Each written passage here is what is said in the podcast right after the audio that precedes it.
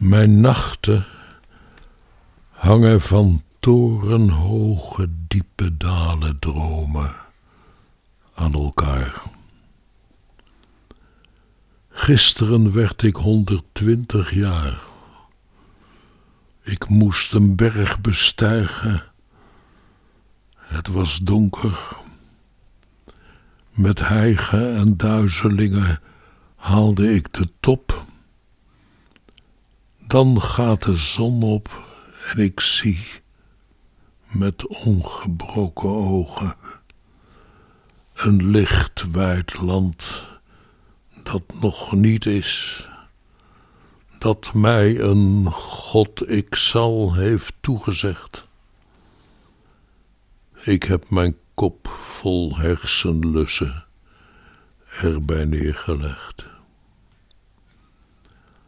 Dan buigt zich over mij heen de rots op zachte voeten, die ik al van verre heb zien naderkomen.